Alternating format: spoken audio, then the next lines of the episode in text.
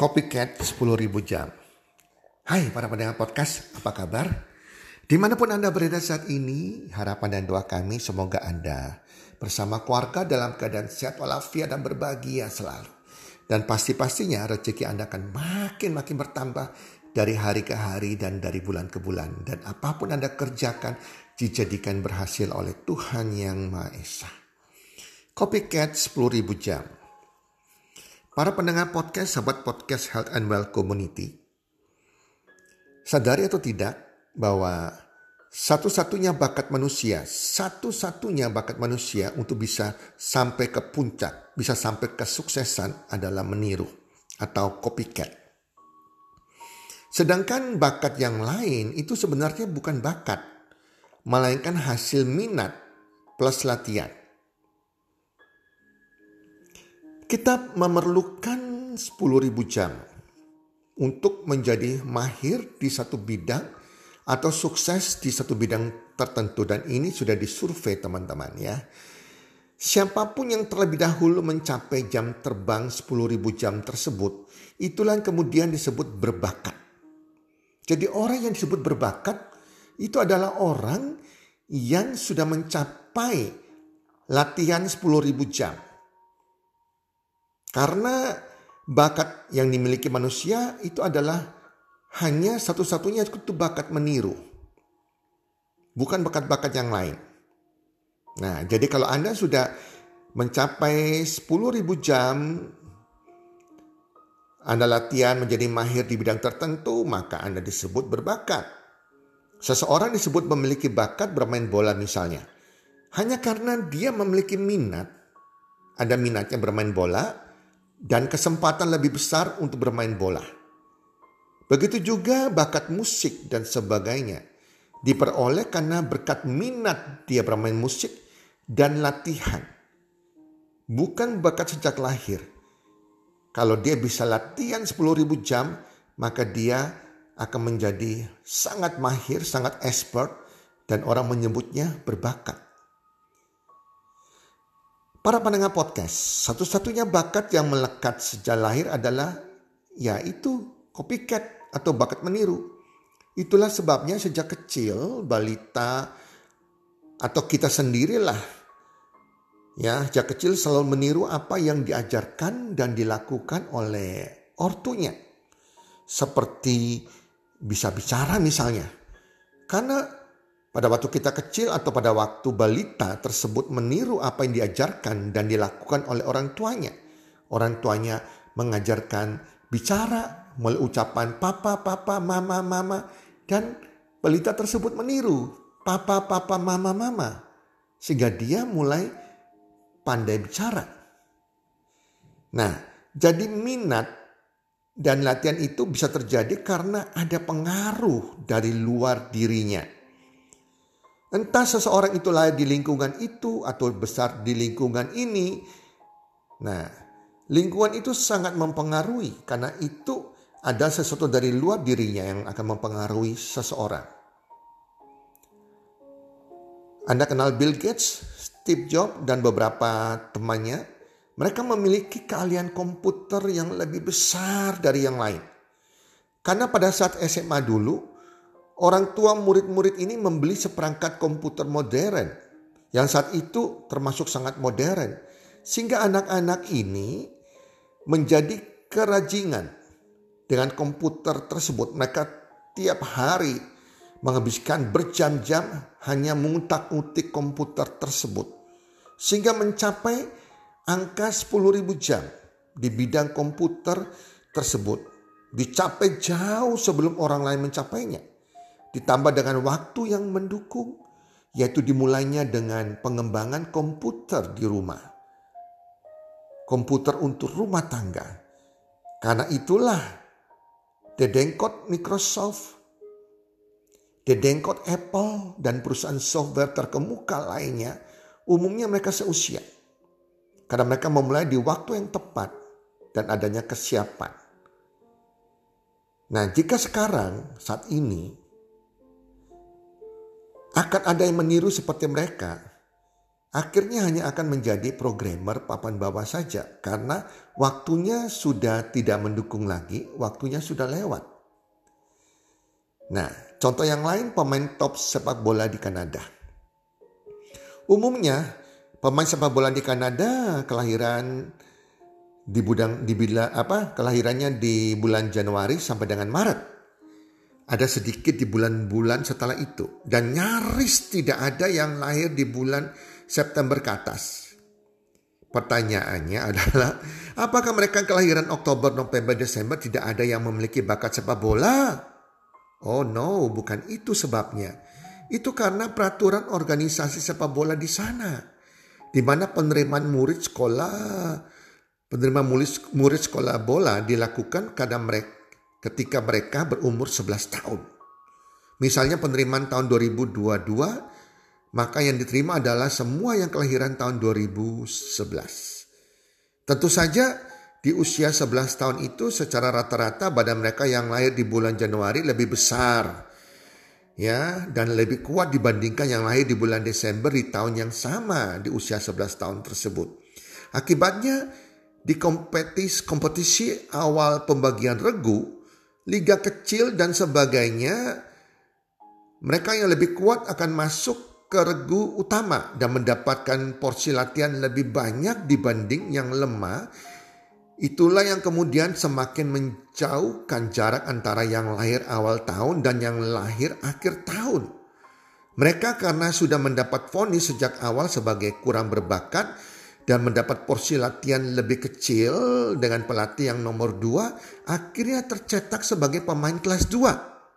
Padahal setelah usia mereka dewasa, pada hakikatnya sudah tidak bisa lagi dibedakan antara yang lahir awal tahun dan akhir tahun. Tetapi jam latihan, teknik latihan, dan citra diri mereka yang kemudian membedakan antara yang berbakat dan yang kurang berbakat. Antara pemain kelas 1 dan kelas 2. Nah, Para pendengar podcast, sahabat podcast Health and Well. Bagaimana dengan menjadi kaya? Menurut salah satu teman saya, seorang muslim, dia katakan bahwa nabinya mengatakan bahwa sembilan dari sepuluh pintu kekayaan berasal dari bisnis. Nah, zaman itu, zaman Nabi dulu yang namanya bisnis adalah dunia perdagangan. Dan kita lihat di saat sekarang ini di Indonesia. Coba lihat para orang-orang kaya di Indonesia. Pendidikan mereka rata-rata SD. Bahkan banyak tidak lulus SD, SMP, dan SMA. Kalau ada yang sarjana, biasanya itu generasi kedua atau ketiga. Seperti contohnya Abu Rizal Bakri. Ya, siapa tidak kenal beliau, salah seorang konglomerat. Perintis sebenarnya bukan Abu Rizal Bakri, tetapi Ahmad Bakri, orang tuanya yang hanya lulusan SD. Mereka sejak muda sudah belajar berbisnis dan mencapai 10.000 jamnya jauh lebih dini dibanding yang asik sekolah atau yang asik bekerja untuk orang lain. Belum lagi pada saat itu Indonesia ada beban sejarah di kalangan masyarakat Indonesia yaitu cita-cita utamanya adalah menjadi pejabat. Sehingga mereka yang terpaksa berbisnis tidak akan melatih anaknya menjadi pebisnis handal sejak dini, tetapi berharap anaknya sekolah tinggi untuk nantinya menjadi pejabat. Jadi kita lihat profil orang kaya itu, sebetulnya mereka hanya memiliki tiga hal sebetulnya. Kalau kita mau menjadi kaya jelas tadi dikatakan bahwa harus berbisnis. Dan seperti apa sih profil orang kaya yang berbisnis? Mereka umumnya punya tiga hal. Yang pertama adalah cita-cita atau impiannya tinggi sekali. Terutama di bidang impian keuangan. Otomatis ini akan membawa mereka ke lingkungan plafon yang lebih tinggi. Plafon rezekinya akan meningkat dibandingkan orang yang tidak memiliki impian keuangan. Impian untuk menjadi kaya. Yang kedua, kecerdasan finansialnya juga tinggi. Mereka bisa mengatur uang dan mau menunda kenyamanan. Salah satu bentuk seseorang cerdas finansial adalah mereka memiliki kemampuan untuk menunda kenyamanan. Saya teringat sekali teman-teman. Ayah saya pernah cerita. Ayah saya cerita teman-temannya yang kaya raya saat itu dulunya pendidikan mereka hanya SD.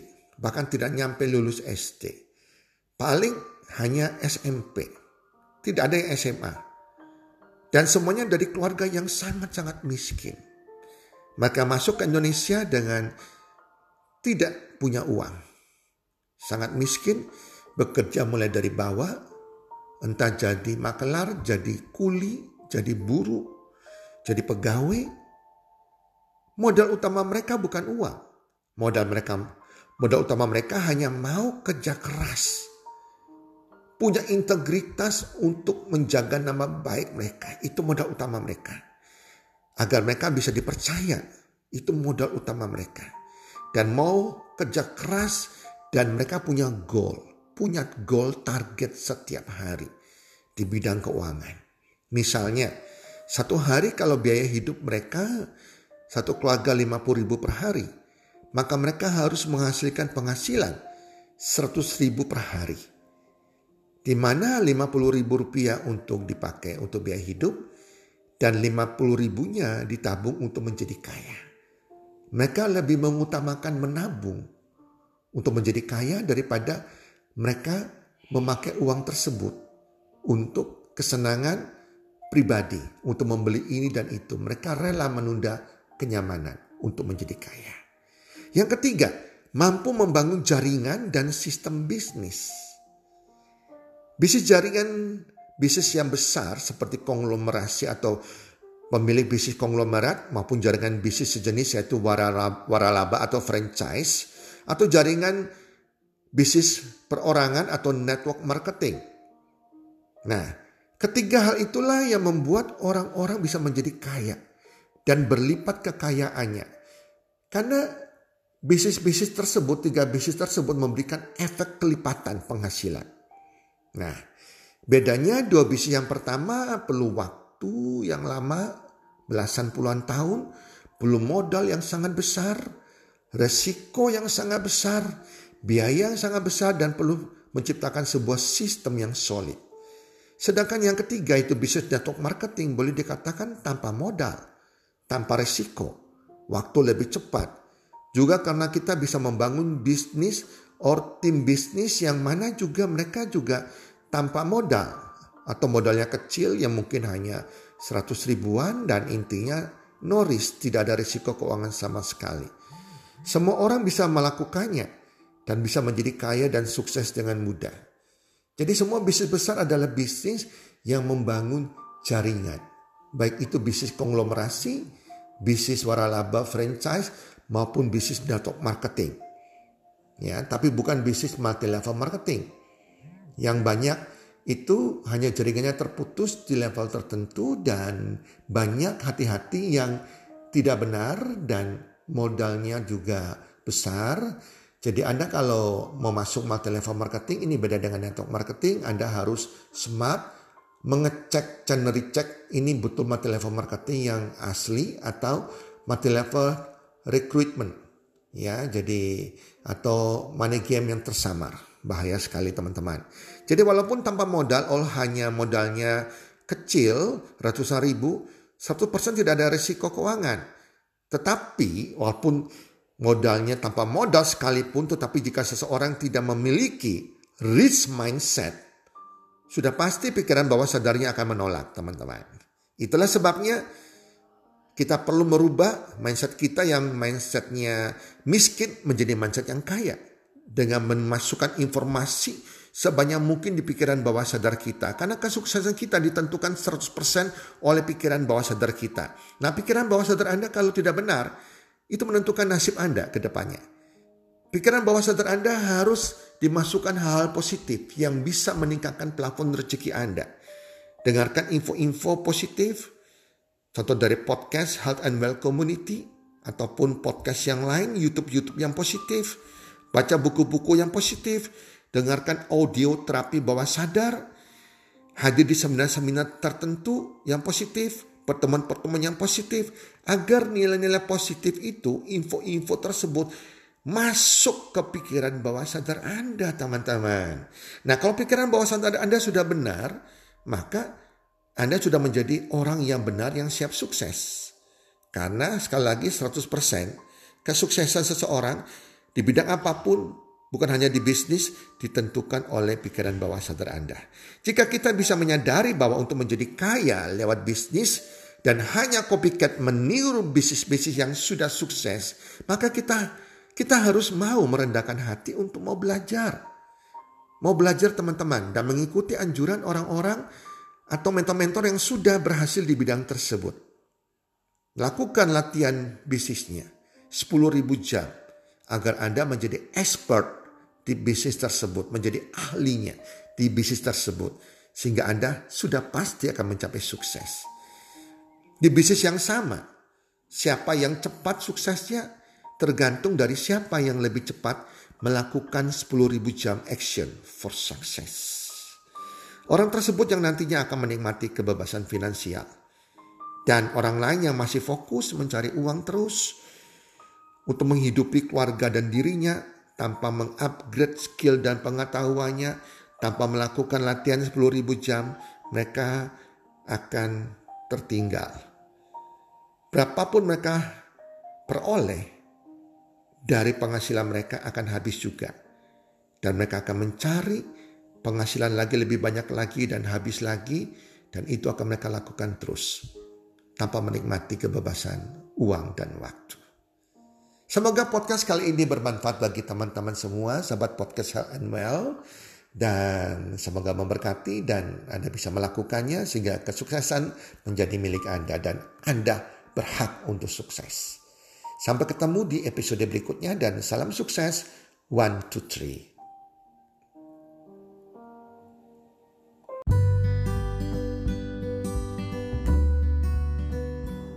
Terima kasih sudah mendengarkan podcast kami. Teman, jika Anda rasa bermanfaat podcast kami ini, Anda bisa menginfokan kepada rekan kerja Anda, keluarga Anda, teman ataupun sahabat Anda. Dan jika ada hal-hal yang Anda ingin tanyakan kepada kami ataupun topik-topik apa yang Anda ingin kami bawakan, kami sampaikan, Anda bisa DM kami di Instagram kami healthcommunity.id. Salam three, salam sehat, sejahtera dan bahagia.